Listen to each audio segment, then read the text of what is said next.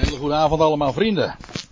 Wij gaan, eh, wij gaan weer verder met, het, met de bespreking van het Evangelie naar Johannes. Studie 22. En we waren inmiddels gekomen bij het slot van Johannes 6. Nog een paar versen moeten we daarvan bespreken. Ja, het is toch inderdaad. Arie refereerde er zojuist al eventjes aan. Het is toch wel heel bijzonder als je je sowieso bezig mag houden met het woord van God. Uh, in dit geval een beschrijving, een van de vier beschrijvingen. En dit is nog wel een hele bijzondere type en wijze waarop het uh, allemaal zijn, uh, zijn beslag heeft gekregen, zoals Johannes dat verhaalt.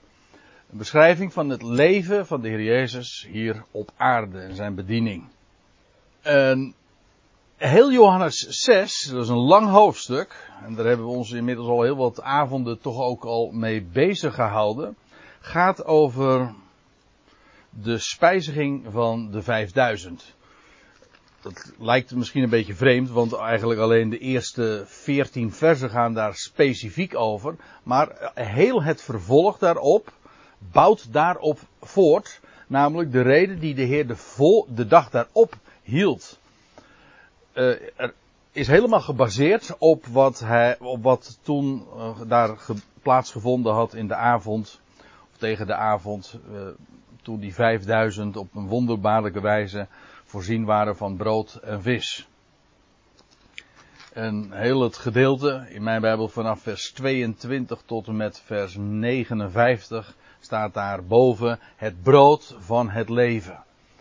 En zo zet de Heer zich daar neer en in die, in die reden, in die conversatie, want het is ook heel veel hoor, wederhoor, tegenspraak, conflict.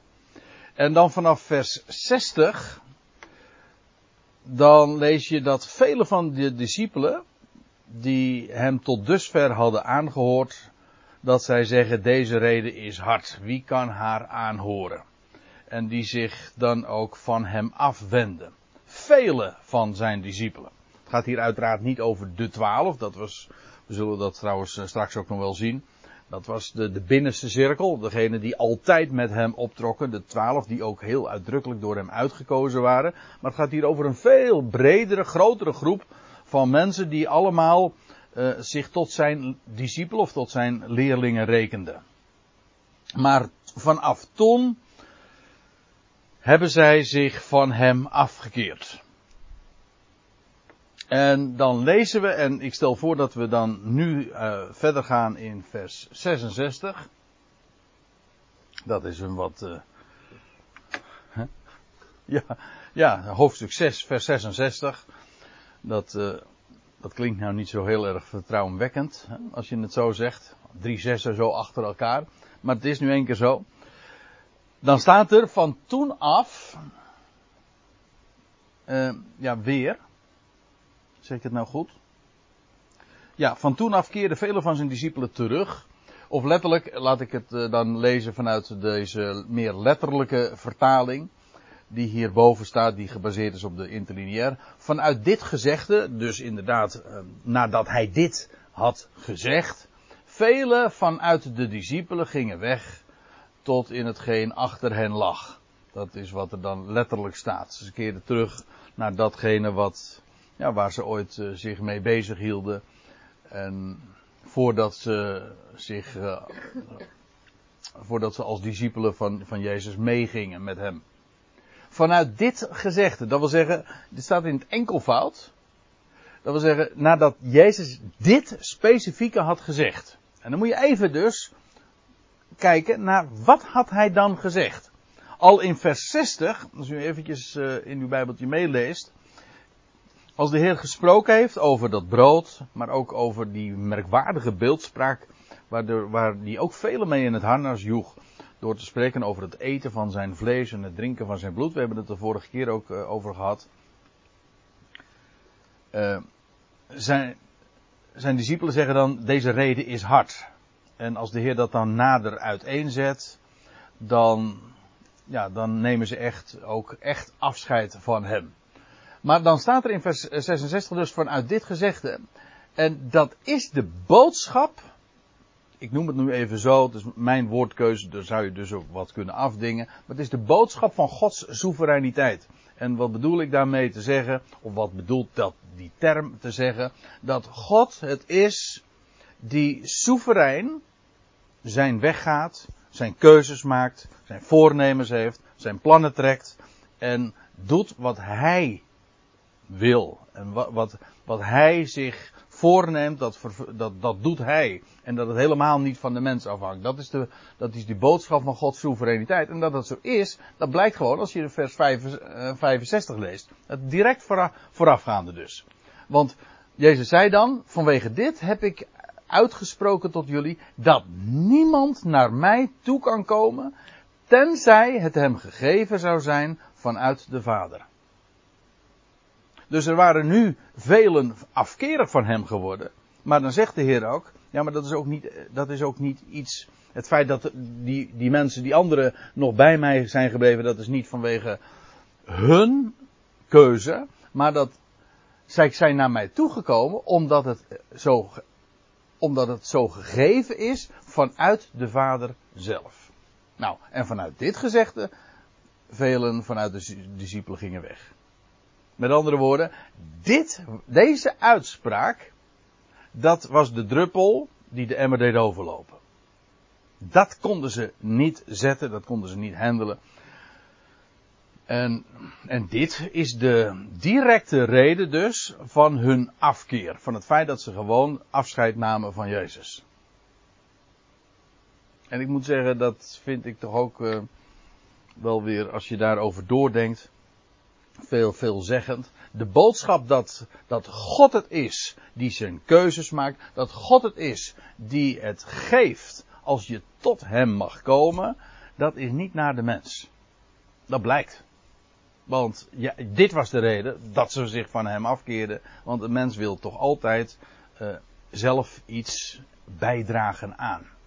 Hm? Het feit uh, dat het jouw keuze is. Jij bent zo wijs geweest, zo slim geweest, of zo geestelijk geweest, zo vroom geweest, om naar hem toe te gaan of hem te volgen. Uh, zo wil een mens het graag dan toch zien en beleven en zeggen. Want ja, daar, daar valt wat eer aan te behalen, anders is er, ja, wat, wat is er dan van jou bij? Nou, niks. Dat is eigenlijk, dat is precies wat Jezus hier ook zegt. er komt, uh, laat ik eventjes uh, pauzeren nu. Ah, hartelijk welkom overigens. En ik had, uh, ik had al wat gezegd over vers 66 waar we mee, mee aanvingen. Dat, dat uh, een, de massa van de discipelen zich van Jezus afkeren. En dat was vanwege de uitspraak die hij had gedaan. Dat niemand naar hem toe kan komen tenzij het hem gegeven zou zijn vanuit de Vader. En wat ik daarover opmerkte is dat dat niet naar de mens is. Een mens wil graag eer behalen en, en zich op iets kunnen laten voorstaan, terwijl hier alle schijnwerpers gericht worden op God. Het is God die een mens kiest en het, hem de genade vergunt om tot hem te komen. Dat is het.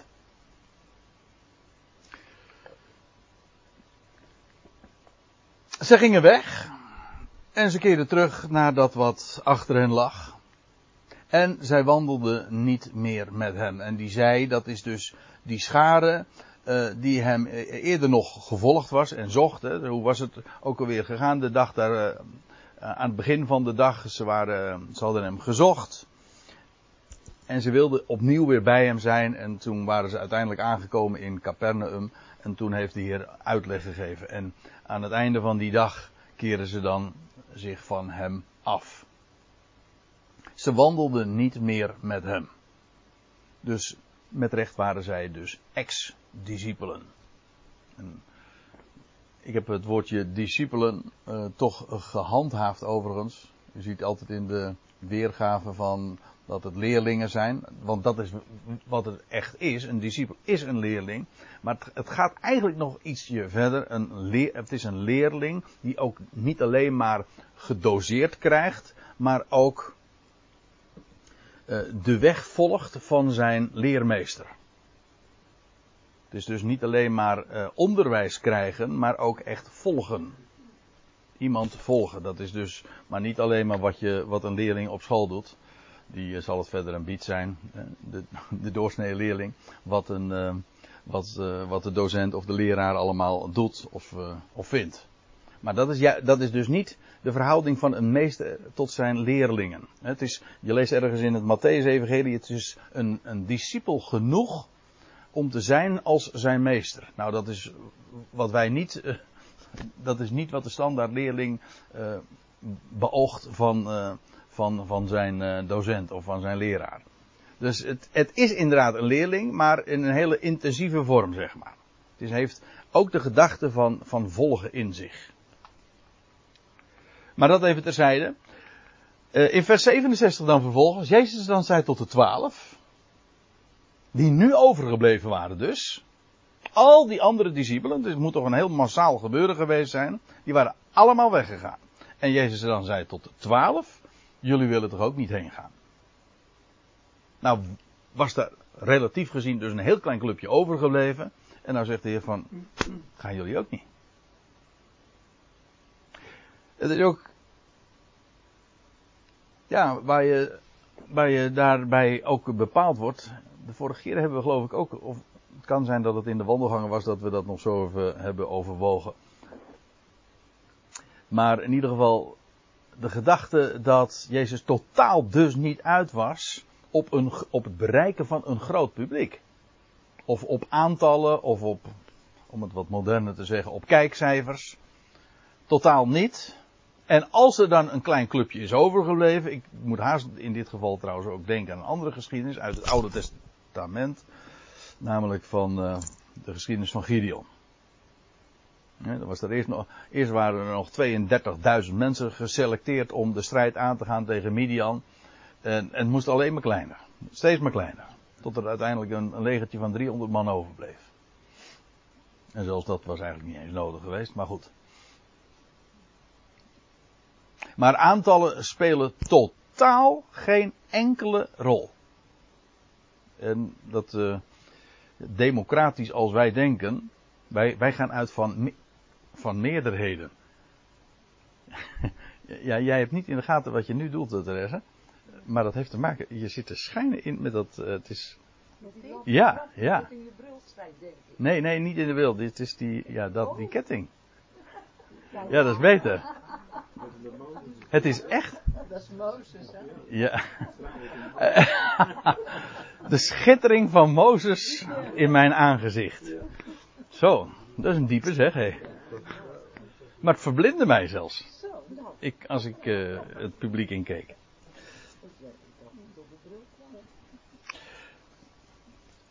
Aantallen spelen dus uh, daarbij uh, geen, geen enkele rol niet democratisch, meerderheden, dat, dat, dat is niet aan de orde.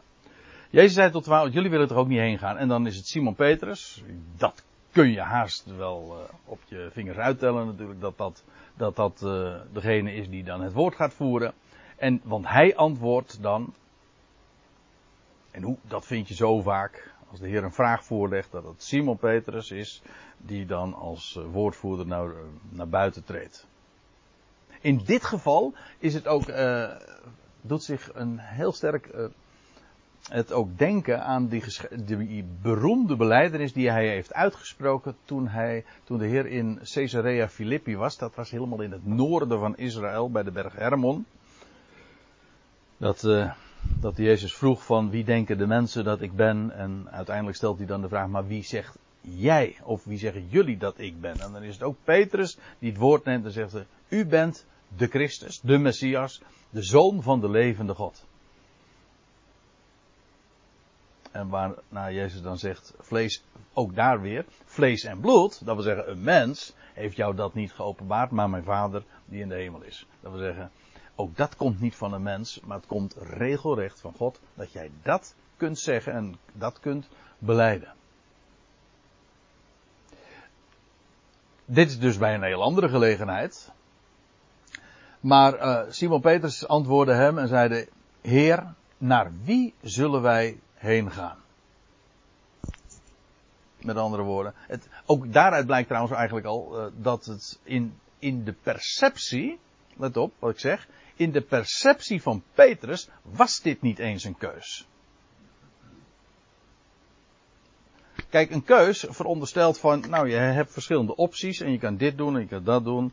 Twee of drie of anyway, hoeveel dan ook. Maar in ieder geval, je hebt verschillende mogelijkheden om te doen. Maar, in Petrus' beleving, en dat, is, en dat bewijst nou typisch dat hij inderdaad de Heer en zijn woord hartelijk liefhad, van met heel zijn hart. Er was, hij zegt, tot wie anders dan? Is er een ander? Het is niet zo van, ja, ja, we, we, we, kunnen, we kunnen, we hadden ook met hen kunnen meegaan. Voor Petrus is dit nooit een optie geweest. En dus ook geen keuze. Een keuze veronderstelt altijd verschillende opties. Maar degene die hem gelooft, die.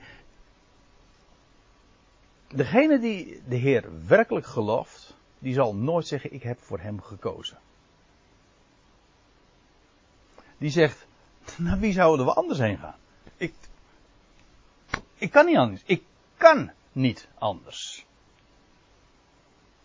En dat zie je zo eh, vaak ook elders uh, in, in, het, uh, in de Bijbel.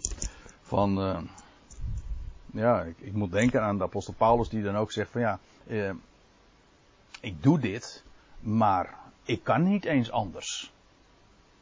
Ja, als je, heel, als je, als je gedreven bent, en die drive hebt van hij is de enige, ja, dan is daar dus de hele gedachte van een, van een keuze is wezensvreemd aan, aan, aan de waar. Uh, ja, is wezensvreemd aan, aan de waarheid van dat hij de enige is uh, om wie het gaat. Heer, naar wie, naar wie zullen wij heen gaan? U hebt uitspraken van leven. Ionisch. Dat wil zeggen, dat Ionische, dat zegt iets over het leven. Je kan ook zeggen van ionisch of van eeuwig leven. Maar eerst even dit. U hebt uitspraken. Hier staat niet het gewone woord voor woord, logos. Maar het heeft de gedachte van iets wat je uitspreekt. Het zit, komt er heel dichtbij natuurlijk. U, u hebt uitspraken van leven. En dat refereert aan wat we al een paar versen eerder zagen. Maar dat was goed, dat was uh, drie weken geleden dat de Heer zei, de uitspraken die ik heb gesproken tot jullie zijn geest en leven. Of de, woorden zo u wilt. Dat, dat is geest en leven.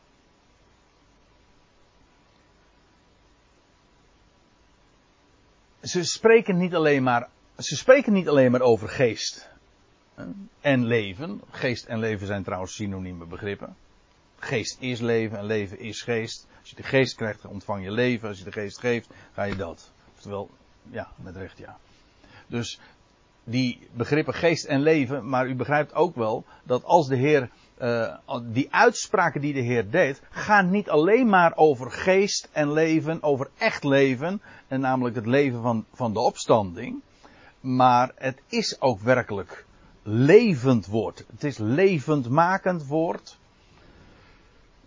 Zo sterk zelfs, dat als uh, de Heer zegt, maar dat is een paar hoofdstukken later, Lazarus tegen een man die vier dagen reeds in het graf ligt, dat hij zegt, uh, Lazarus kom uit. En dan is dat woord voldoende om hem tot leven te wekken. Dus dat is dus maar niet alleen maar, uh, dat zijn maar geen uitspraken over leven, dat zijn levendmakende uitspraken levendmakend woord.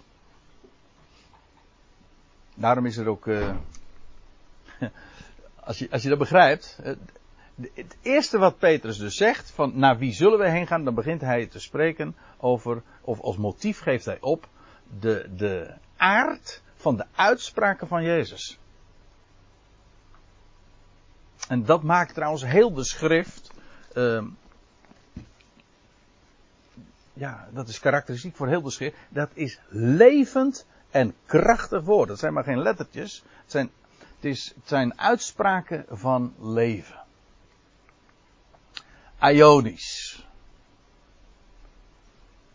Oftewel dus eeuwig. Betrekking hebbend op de Ion. Maar u begrijpt, dat is in de Bijbel altijd. Dat Ionische leven, dat is het leven van de toekomende Ion. Ik heb er niet eens een tekst bij genoemd. Maar dat hadden er heel wat kunnen zijn als ik dat uh, moest onderbouwen. Behorend bij de toekomende eeuw. Want eh, dat zal ook de aion zijn. We lezen dat in Jezaja, maar daar staat het misschien wel heel erg treffend uh, geformuleerd. dat straks, als het koninkrijk gevestigd zal worden in de toekomende aion, dan zal de aarde vol zijn van de kennis van Yahweh, zoals de wateren de zeebodem bedekken. Zo vol zal die, de aarde en de wereld zijn van de kennis van Hem. En, van, en des uh, Heere woord zal uitgaan van Jeruzalem en en hoe staat het er? En des Heren Torah, zijn onderwijzing vanuit Sion. En alle volkeren zullen daar naartoe gaan. Kortom, de woorden God zullen dan klinken. Zoals nu allemaal het, de God van deze Aion is. Hè, de boze Aion, waar het allemaal uh, verdraaid, de dingen verdraaid worden en leugen is. Straks, in de komende Aion, is het waarheid. En is het, zijn het woorden van leven die zullen klinken. Dat hoort dus echt, die bij de toekomende eeuw. Dus dat waar we ons nu ook mee bezighouden, dat hoort bij de toekomende eeuw. En wij mogen het nu al in deze eeuw, als, als voorproefje, als, en maar ook als eerstelingen, nu al smaken, proeven en beleven en tot ons nemen. Dus horen bij die toekomende eeuw. En Petrus voegt er aan toe, en wij hebben geloof, wij, dat, in ieder geval die, die, die twaalf die hier nu nog bij Jezus waren, nadat iedereen was uh, vertrokken. En wij hebben geloofd en hebben geweten dat u bent de heilige van de God. Hè? Twee keer dat, dat bepaalde lidwoord. U bent de heilige, dat wil zeggen de af, degene die door God is afgezonderd. Door de God. En, en Jezus Christus, dat is wat hij hier zegt. U bent ja, elders had hij dus gezegd, zoals ik er zojuist over had. Uh, u bent de zoon van de levende God. En hier zegt hij, u bent de heilige van de God. Degene die God speciaal heeft apart gesteld, want dat is wat heilig betekent. Apart stellen. Ten behoeve en voor God, voor de God. En Jezus antwoordde, in vers 70 staat er dan, antwoordde hen, kies niet ik, jullie, de twaalf uit.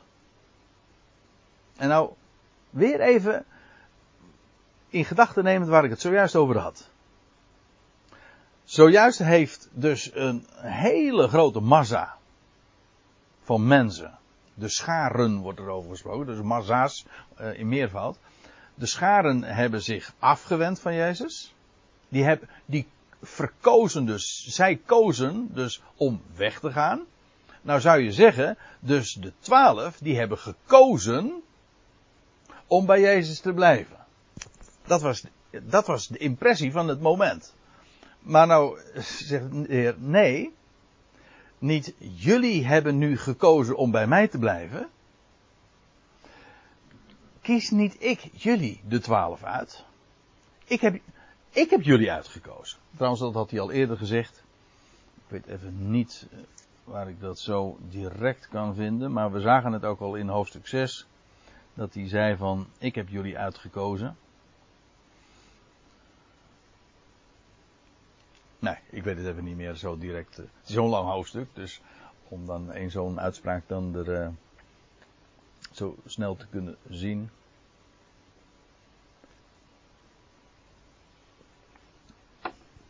Maar in ieder geval, uh, het staat hier trouwens ook in de. Ja, in die, die Aoris-vorm, in een tijdloze vorm. Ik kies jullie uit. Niet alleen ik heb jullie uitgekozen, maar de waarheid is, ik kies jullie uit. Los van de vraag wanneer, maar ik ben degene die dat doet.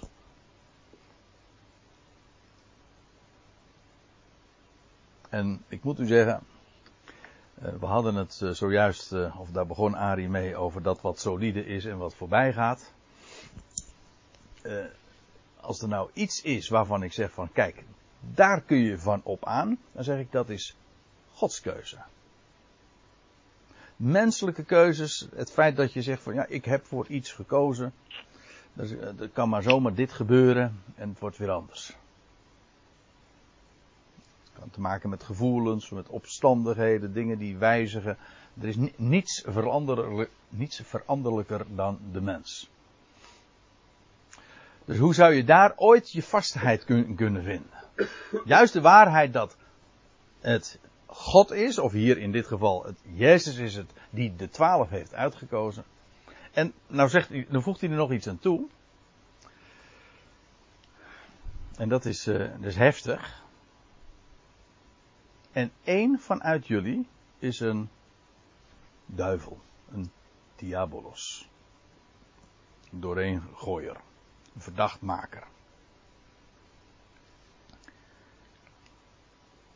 Waarmee dus gezegd is dat toen Jezus de twaalf uitkoos, ook die ene, die, waarvan de Heer hier zegt, hij is een diabolos. Dat, eigenlijk, dat woordje diabolos, wij vatten dat vaak op als een eigen naam van één iemand, maar in feite eh, een, een, duivel, een, ja, een diabolos. Ik, ik, eh, het woordje duivel, ik weet niet. Uh, nee, een demon is weer wat anders, een heel ander woord. Ja, ja in, de, de Statenvertaling wel, ja, wordt het door elkaar gebruikt, duivelen. En dan staat er in het, en dan staat, maar dan staat er in, het Grieks demonen.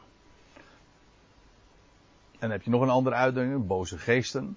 Maar het woordje diabolos wordt ook uh, aangeduid voor, uh, ja, hier in dit geval heel specifiek van Judas. Maar ook in andere gevallen wordt, er, uh, wordt iemand een duivel genoemd. Een diabolos. Iemand, in feite is het iemand die de dingen door elkaar werpt. Dus feitelijk, het zegt iets over wat een ander doet. Natuurlijk is daar dan de overste van de macht der lucht, zoals hij heet in Efeze 2. Dan praten we over iemand die achter de schermen dat uh, allemaal regelt. Oké, die heeft dan die naam bij uitstek. hoe, hoe, staat dat in openbaring 12? Dat hij is de oude slang. Die slang van ouds. De Satan, de tegenstander, de duivel. Volgens mij staat er dan nog een term bij. In ieder geval, eh, de draak, ja, precies, ja. Allemaal termen die horen bij dat ene uh, sinistere wezen. Maar, niet, maar op zich, de term duidt op een functie. Iemand die de dingen door elkaar gooit. En één van je, vanuit jullie, vanuit, één vanuit die twaalf, is dus een diabolos. Toen de Heer de twaalf uitkoos, wist hij al wie hem. Nou, laat ik, uh, laat ik, laat ik even doorlezen. Voordat ik. De, deze zin nu afmaak. Uh, hij zei, in vers 71, hij zei dit echter van Judas, van Simon Iscariot, dat moest er inderdaad even bij zijn, want er zijn twee Judassen onder de twaalf. Je leest in hoofdstuk 14, vers 22, uh, dan, staat, dan wordt er iemand geciteerd en dan neemt ene Judas het woord en dan staat erbij, Judas, niet Iscariot, die zeide tot hem. Dus er waren twee Judassen, dat lezen we trouwens ook elders, uh, in het gezelschap van de twaalf.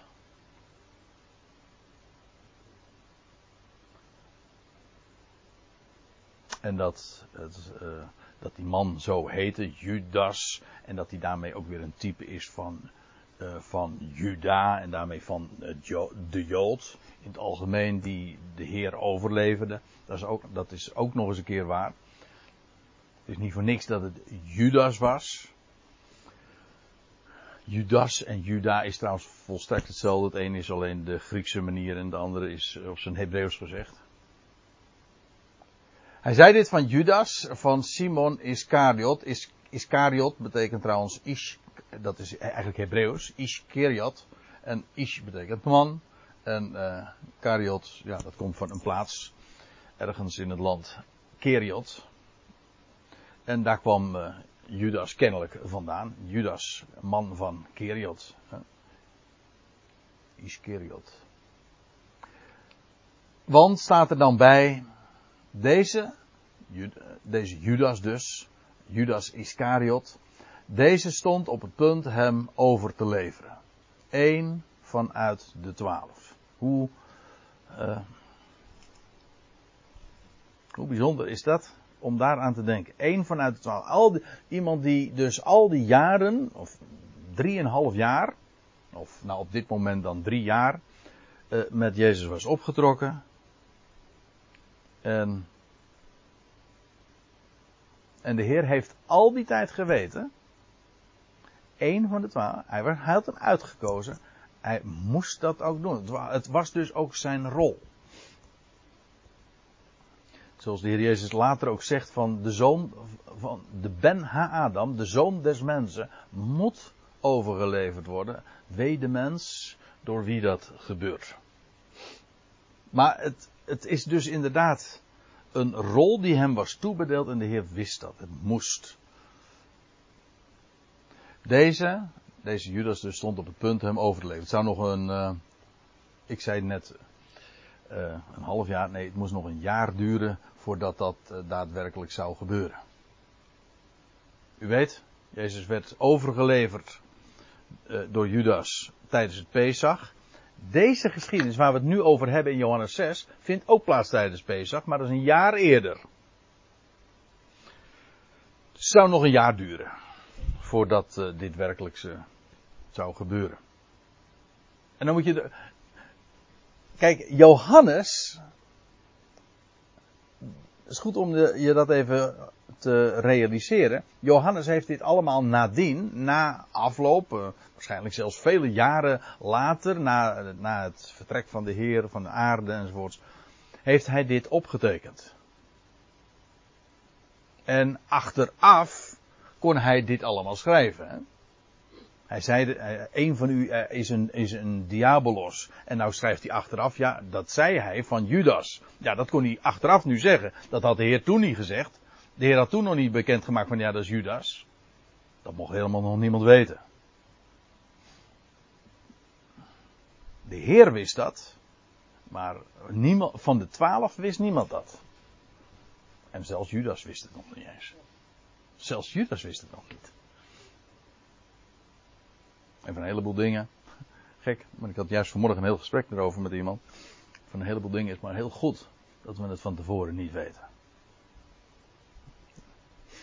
Dat ging er eventjes om van dat uh, ik zou zo graag willen weten uh, hoe dat dan uh, in de nabije toekomst zou gaan. Wat, over wat ik het had, doet nu even niet de zaken. Maar ja, wie herkent dat niet? Hè? Dat je wel eens wil.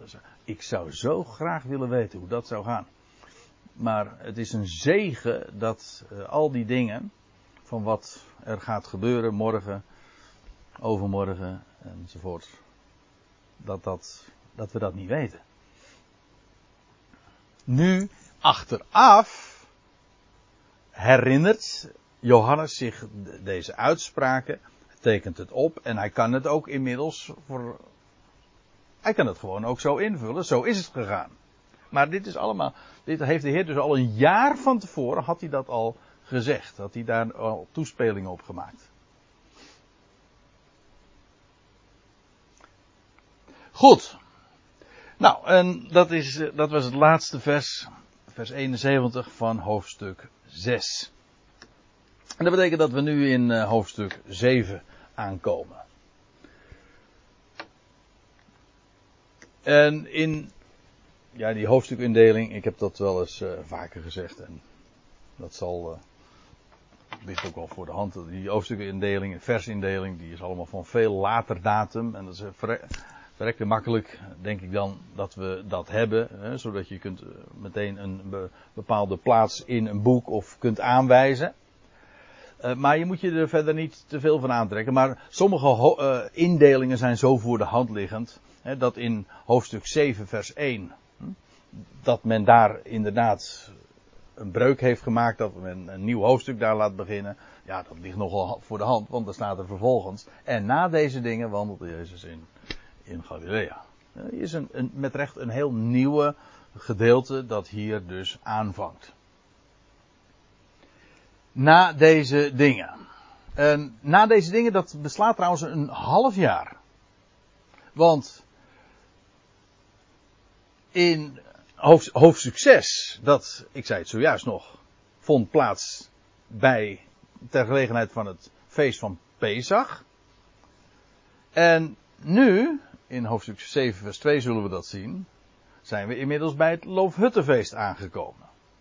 En vers 1, ja, dat, dat valt daar dus zo tussen.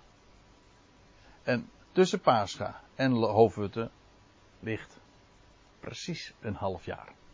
Zes maanden. Pesach is de eerste maand, Loofhutten de zevende maand. Dus daar zit zes maanden tussen. Oftewel een half jaar. En deze periode wordt, daar wordt door Johannes volkomen aan voorbij gegaan. Behalve dan dat hij in dit ene vers er eventjes uh, over spreekt. Uh, na deze dingen wandelde Jezus in Galilea. Maar wat hij gedaan heeft in die tijd, ja, dat wordt in, door Johannes niet beschreven. Daarvoor moeten we weer elders wezen. Dan, dat wordt dus beschreven in Marcus 7. Vers, uh, nee niet vers, maar in hoofdstuk 7 tot en met 9. Daar wordt het allemaal beschreven en daar, wat we in die hoofdstukken lezen is dat de Heer Jezus leerde en hij genas. En die hoofdstukken beslaan precies deze tijd. Zodat je ook daarmee weer ziet dat uh, de Bijbel in veel opzichten ook op een, op, een, op een puzzel lijkt. Waarbij je stukjes gewoon in elkaar kunt passen. Dat wat Johannes niet vermeldt, dat wordt dan weer vervolgens gecompenseerd, als ik het zo mag zeggen, door, uh, door Marcus. En trouwens ook in Matthäus. Maar Marcus zet dat heel duidelijk ook uiteen dat dat precies tussen die twee gebeurtenissen in ligt. Jezus eh, verbleef in Galilea. Het enige waarom uh, Johannes er even op wijst, is om te motiveren waarom Jezus wandelde in Galilea. Het motief is negatief. Het gaat er niet zozeer om waarom hij wandelde in Galilea, maar waarom hij niet naar Judea ging. Namelijk, want hij, want hij wilde niet in Galilea wandelen, in Judea wandelen. Of uh, zich ophouden, staat er dan in de MBG-vertaling. Waarom? Omdat de Joden hem zochten te doden. Dat is eigenaardig. Ik weet niet hoor, als je hier even goed kritisch naar kijkt, dan vraag je je af hoezo. Hij ging niet naar Judea omdat de Joden hem zochten te doden, maar in Galilea woonden daar dan geen, waar woonden daar de Joden dan niet?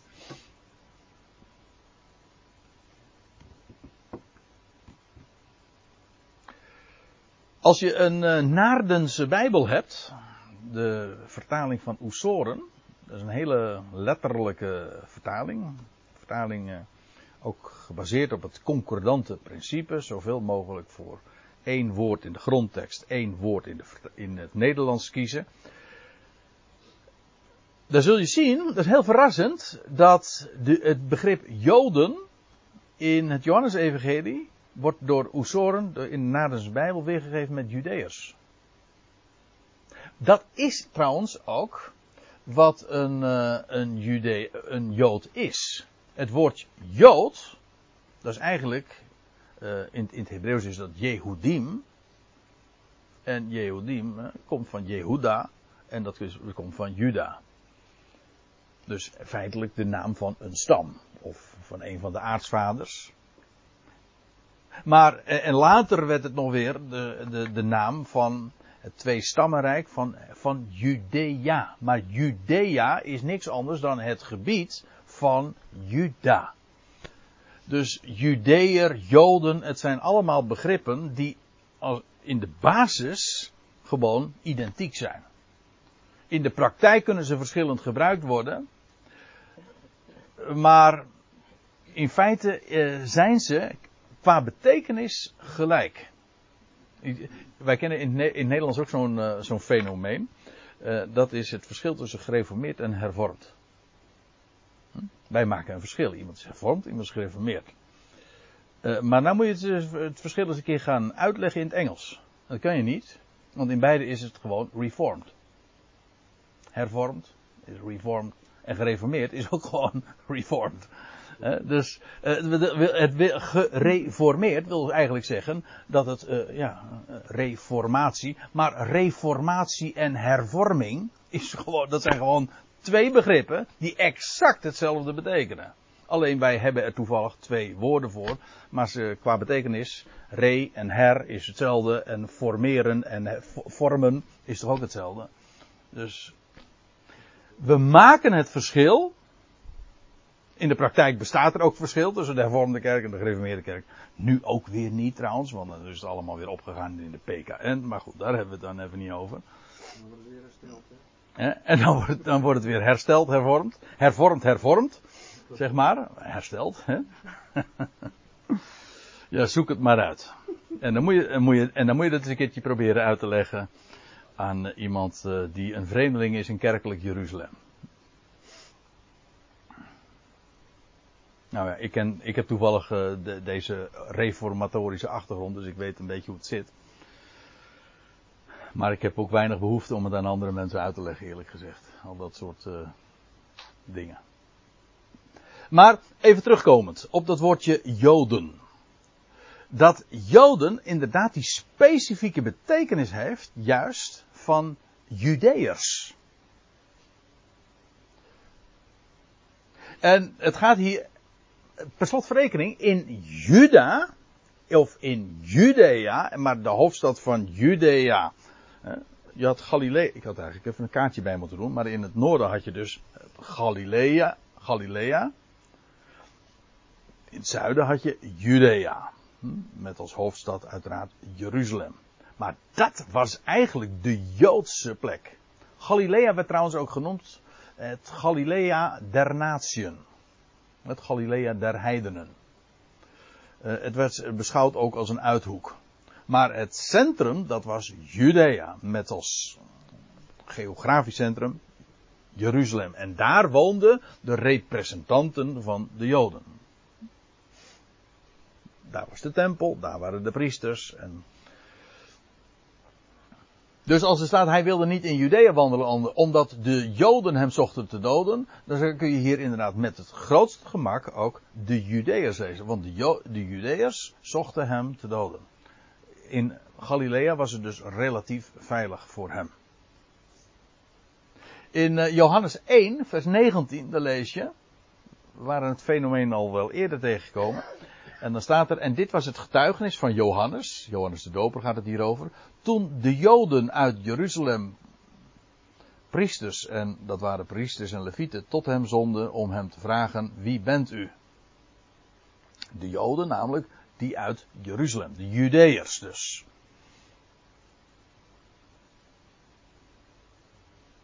Dus het hangt een beetje af van, van de specifieke context, maar soms betekent het dus heel specifiek de de mensen van Judea. Trouwens, ik zit eraan te denken, ook bij ons nog steeds heeft het woordje Jood ook die uh, verschillende klank. Een Jood, dat kan iemand zijn uh, met, uh, van Joodse kom af. iemand steekt genomen met, met, een Joodse modder. Maar wij bedoelen het ook dikwijls gewoon puur godsdienstig. En dan zeggen we, hij is Joods. Hij is een Jood, dat wil zeggen een Joodse beleider, Joods orthodox, of in ieder geval Joods eh, in de godsdienstige zin van het woord. Ja. Therese? Goed.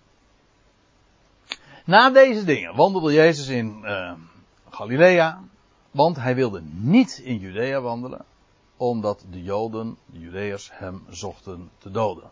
En waarom dat zo was, dat hebben we al veel eerder gelezen, maar dat weet u waarschijnlijk niet meer. Maar eh, dus, toen de Heer Jezus eerder in uh, Jeruzalem was, hij kwam daar niet graag. Het was een gevaarlijk gebied, want je leest al bij de eerste beste gelegenheid dat, dat hij in Jeruzalem is, tijdens zijn openbare optreden. Uh, dat was net na de genezing van die man uit Bethesda, dan wordt hij beschuldigd van sabbatschennis, maar ook van godslastering. En dan lees je al in uh, hoofdstuk 5, vers 16 en 18, uh, dat ze hem zochten te doden. Ja, in vers 18 staat er, hier dan, hierom dan trachten de Joden des te meer hem te doden, omdat hij niet alleen de Sabbat schond, maar ook God zijn eigen vader noemde en zich, in hun ogen, dus met God gelijkstelde. Dat was al bij de eerste de beste gelegenheid dat hij uh, in, uh, tijdens zijn op, openbare optreden uh, in Jeruzalem bevond. Dus daar wilde de Heer Jezus niet naartoe. En dan staat er, nu was het feest van de Joden nabij het Loofhutten.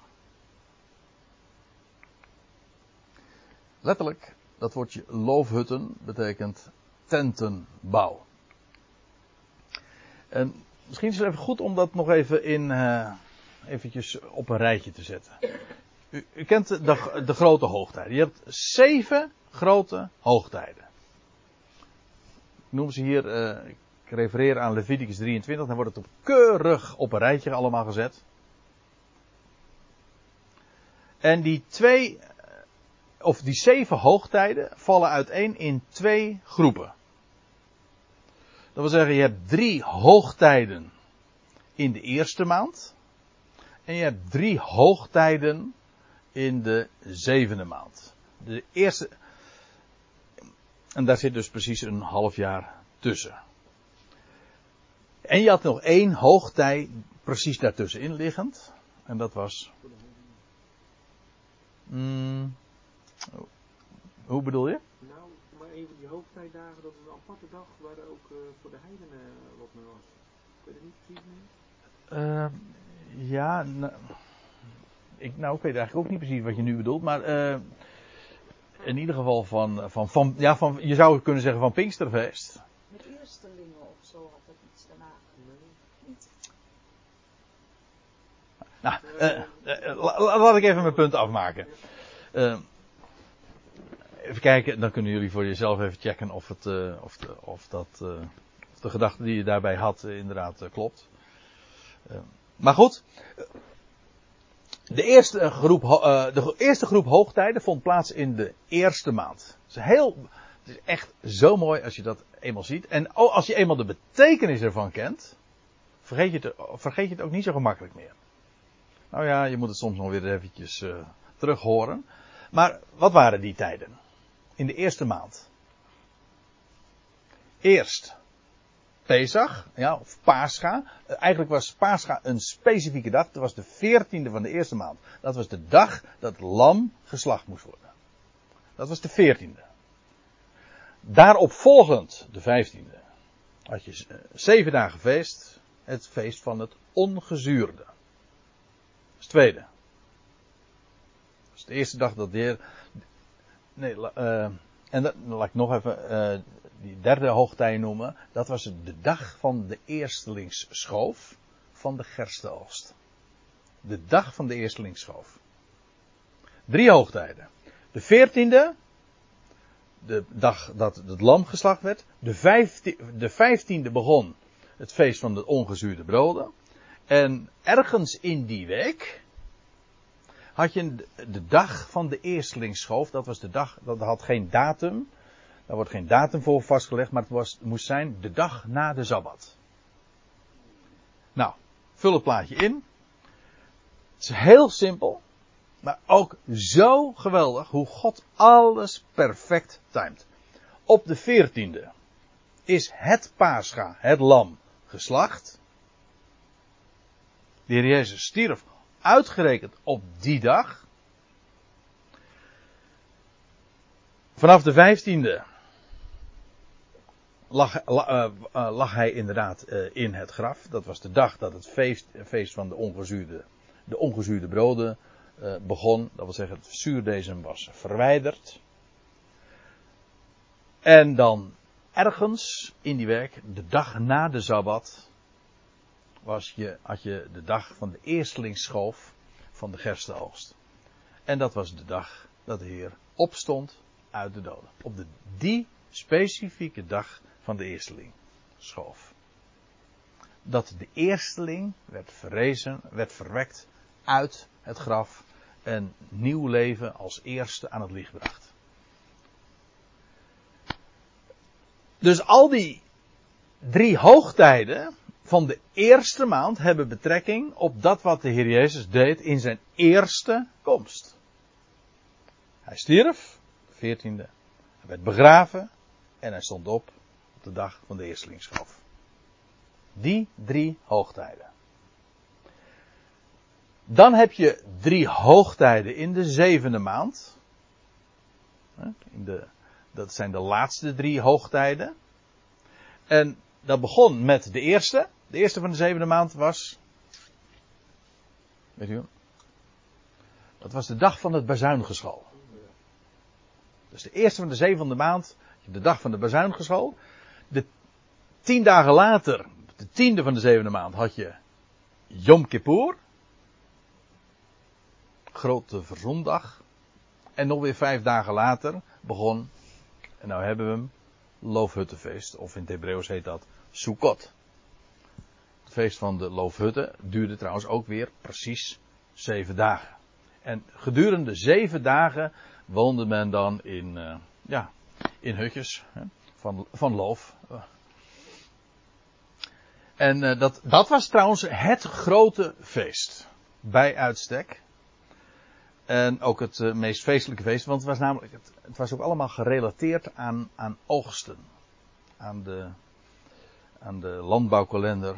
En met het loofhuttenfeest was, was de, was de, en de olijvenoogst was binnengehaald en de druivenoogst, de wijnoogst. Dit was het meest uh, feestelijke feest.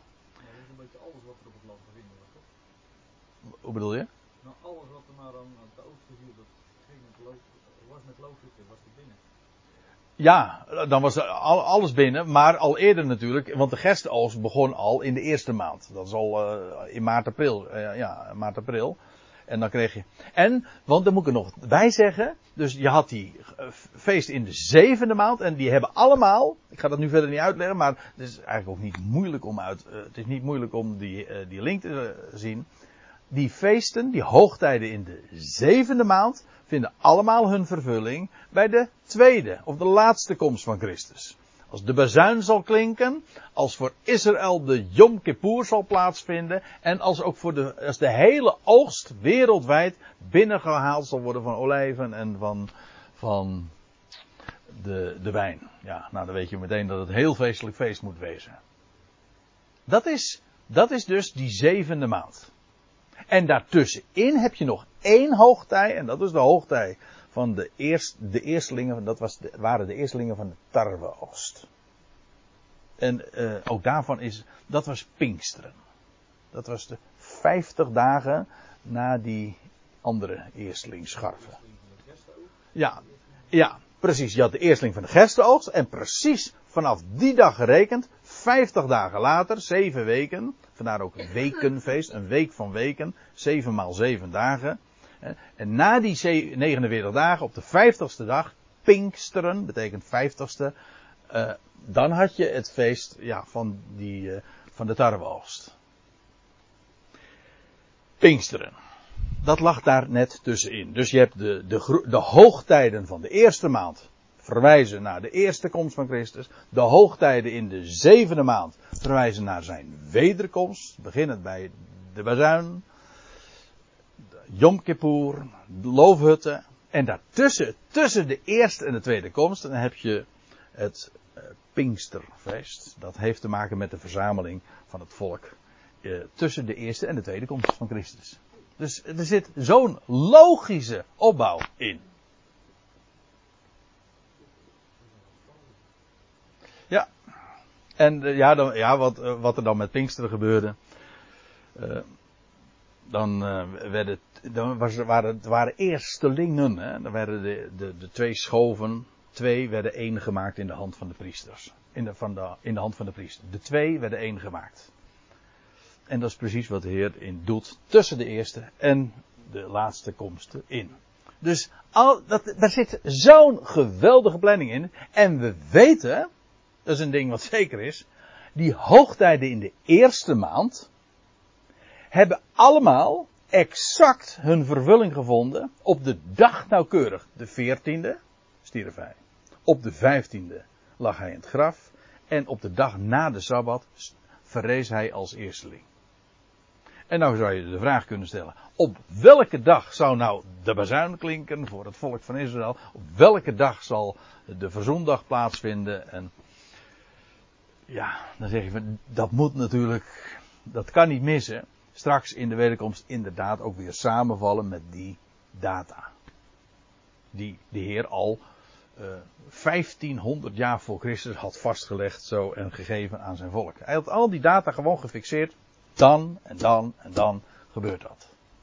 Waarom? Omdat het allemaal zijn vervulling zal vinden. Het, het moest vooruitwijzen, het moet, en, en dat klopt exact. Stel je toch voor dat ze het beloofde land introkken hadden ze een andere kalender? Dezelfde kalender, is er andere tijden? Ja, maar moet ik dat nu ook nog. nou, nee, dat is iets anders. Het was eigenlijk het was zo dat met Pesach, dan lees je uh, dat bij de uittocht uit Egypte, en dan dat de Heer zegt, Exodus 12, vers 1, uh, vanaf nu zal dit de eerste der maanden zijn. Het was namelijk de zevende maand. Tot dusver. Maar nu zegt hij, vanaf nu is dit de eerste maand. Zodat je, uh, het was de zodat je de, de kalender een half jaar verschuift. Dus vanaf dat moment heeft Israël ook twee kalenders. Die precies een half jaar verschillen van elkaar. De burgerlijke kalender en, zeg maar, en de godsdienstige kalender. En dan krijg je het merkwaardige fenomeen dat op de dag van het bazuingeschal vieren zij nieuwjaarsdag.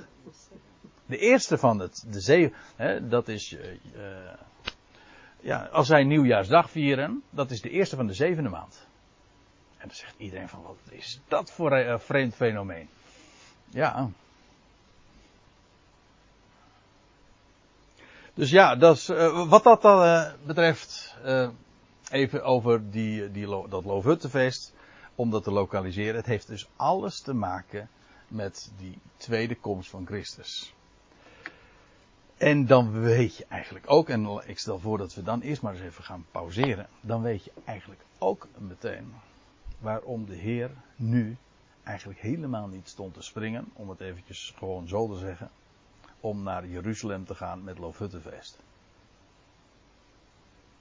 Dat is een beetje cryptisch, maar dat lijkt me een aardige cliffhanger dan voor aan de pauze.